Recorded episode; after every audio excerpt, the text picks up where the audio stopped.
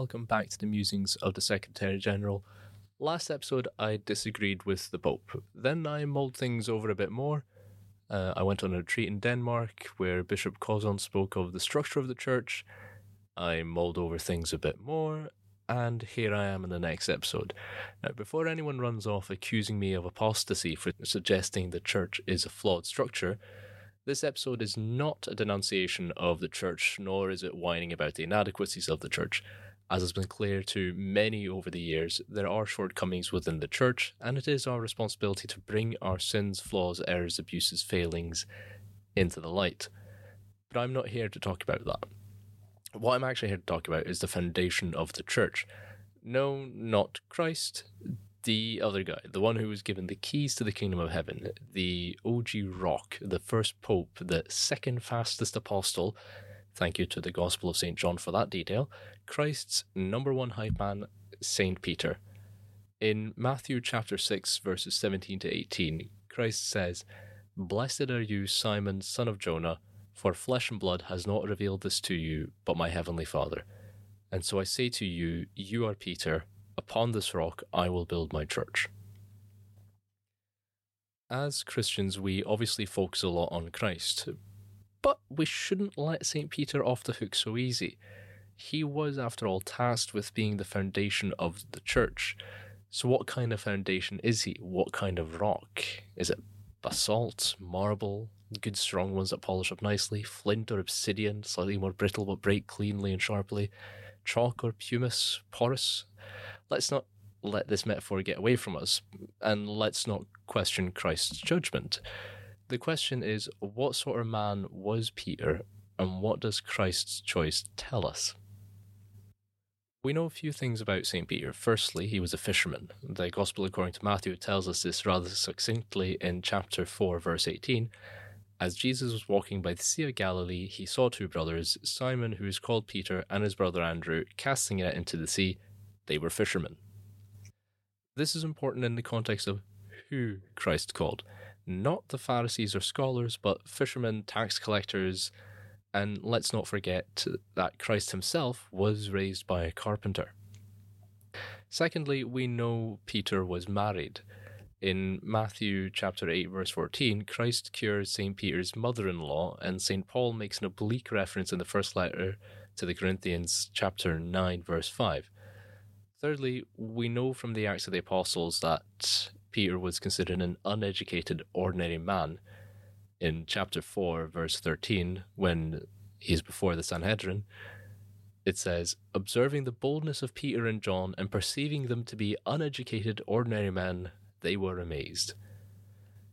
These first three things tell us that Peter was, by and large, not an exceptional man in most considerations either by the standards of the time or by our standards today.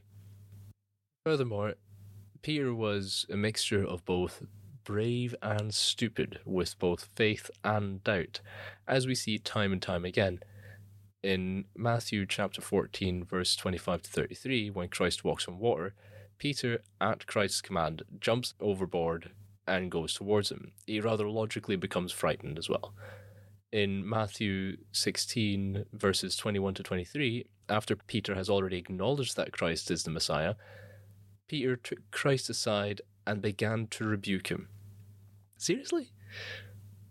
In Mark chapter 14, verse 29 to 31, Peter loudly proclaims that even though all should have their faith shaken, mine will not be. Even though I should have to die with you, I will not deny you we already know that Peter goes on to deny Christ three times. According to the Gospel of St. John, chapter 18, verse 10, St. Peter was prepared to fight when Christ was arrested, even as going as far as cutting off a slave's ear. Later, Peter reaffirms his love for Christ and even getting impatient with having to repeat himself three times. That conversation is preceded by a description when Simon Peter heard that it was the Lord, he tucked in his garment, for he was lightly clad, and jumped into the sea. That's in John chapter 21, verse 7. So Peter could also be rather impulsive. Perhaps my favorite moment between St. Peter and Christ is in John chapter 13, verses 5 to 10, when Christ is washing the disciples' feet. And it says, Then he poured water into a basin and began to wash the disciples' feet and dry them with the towel around his waist. He came to Simon Peter, who said to him, Master, are you going to wash my feet? Jesus answered and said to him, What I am doing you do not understand now, but you will understand later. Peter said to him, You will never wash my feet. Jesus answered him, Unless I wash you, you will have no inheritance with me. Simon Peter said to him, Master, then not only my feet, but my hands and head as well. Jesus said to him, Whoever has bathed has no need except to have his feet washed, for he is clean all over, so you are clean, but not all. Normally, one hears this reading done solemnly and seriously, but think about it. There, Peter is watching someone he believes is the Messiah washing the disciples' feet, and he doesn't understand. Christ knows he doesn't understand. Now, think of them as friends who've journeyed together for a while, rather than as the Messiah and the first Pope. Now, imagine the laughter in this group of friends, everything they have experienced together before this moment.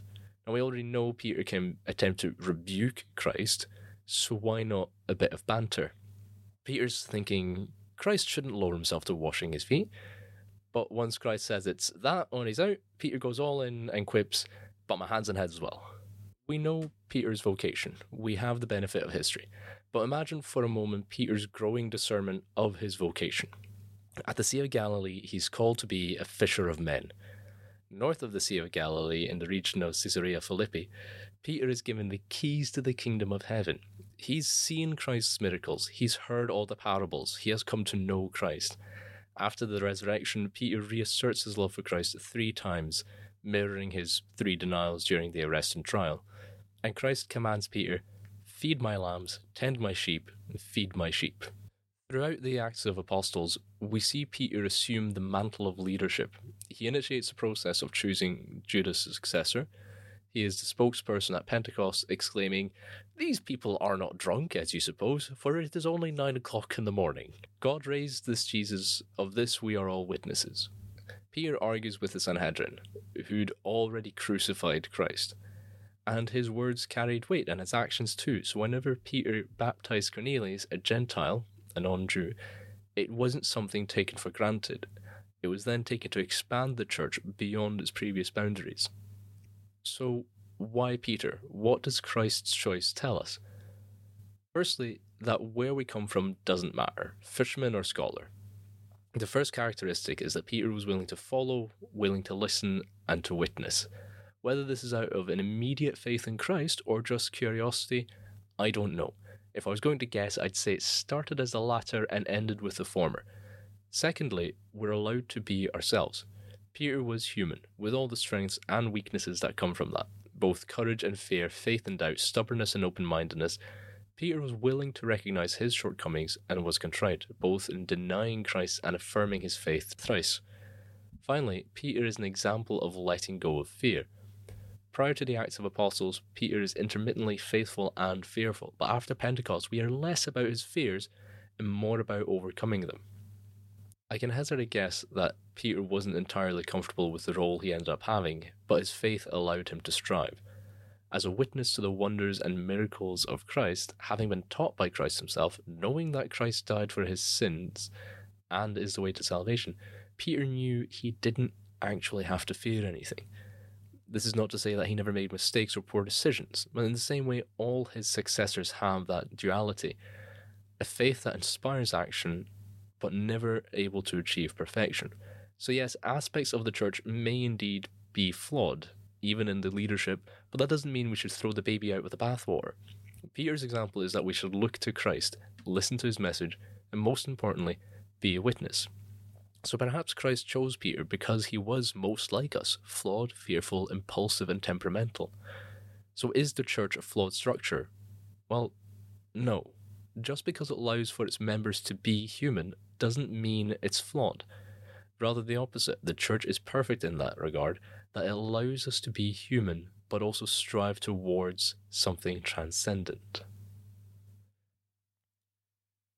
I hope you enjoyed this episode. Welcome back next time, where it'll be a bit of a surprise what I talk about.